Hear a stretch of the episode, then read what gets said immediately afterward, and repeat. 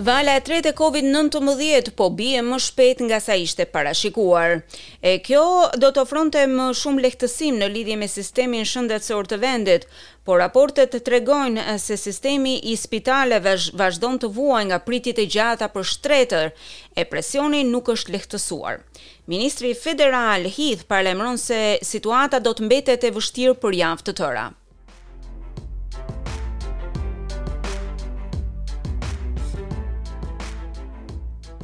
Imazhet e fundit tregojnë një paciente adoleshente me kancer duke pritur në një korridor për njëzet e shtatë orë për të marrë një shtrat në spitalin e Box Hill në Melburn. Një grua rreth të tetëdhjetave duke u trajtuar në një tendë. Të gjitha këto kanë nxjerrë në pah situatën brenda spitaleve të Viktorias. E rastet nuk janë asnjë befasi për mjekun e urgjencës në një prej spitaleve të Melburnit, Stephen Parnis. Hospital overcrowding is probably the worst we've ever seen it. We hate the fact that people who are in need have to wait for much longer than we would prefer that they. Mbipopullimi i spitaleve është në një situatë shumë të rëndë, ndoshta më e rënda që kemi parë ndonjëherë. E urrejmë faktin që ata persona që kanë nevojë për ndihmë urgjence duhet të presin më shumë sesa duhet. Gjithmonë ekziston rreziku se sa më shumë që të presë dikush, aq më e rëndë do të jetë situata e tij shëndetësore.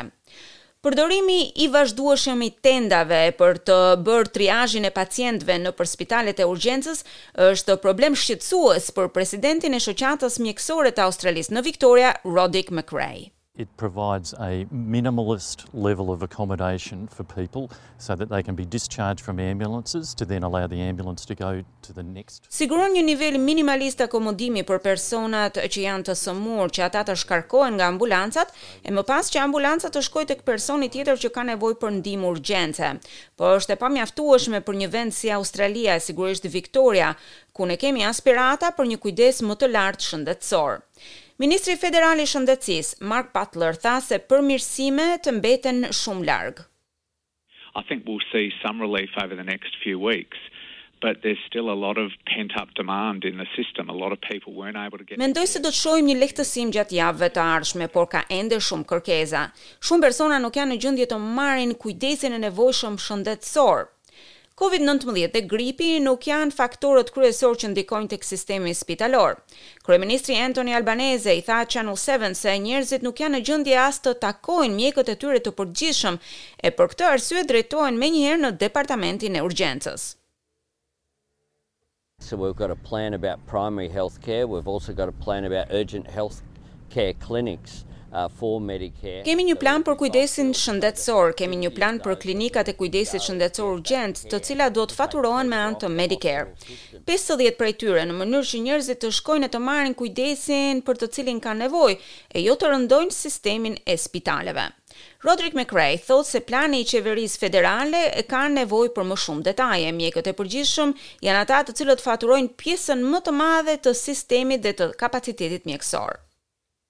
Very broadly, there needs to be a complete structural reform of the funding of healthcare across Australia. Duhet të ketë një reformë të plotë strukturore të financimit të kujdesit shëndetësor në të gjithë Australinë. Shoqata jonë në nivel kombëtar ka bërë thirrje për një dekadë në lidhje me përmirësimin e financimit. Në New South Wales, kujdesi kardiak është transformuar. Kjo vjen sipas mjekut të urgjencës, Brian Burns, sipas një investimi prej pesëdhjetë e pesë milionë dollarësh për teknologji në ambulancat e këtij shteti.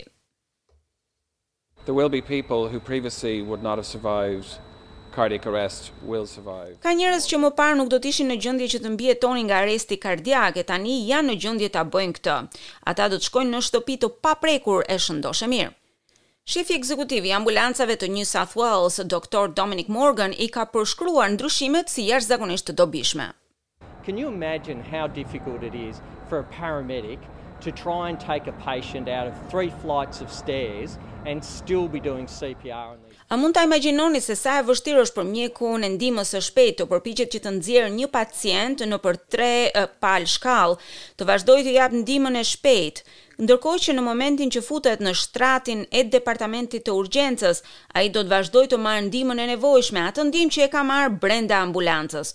Kjo bën një ndryshim jashtëzakonisht të madh.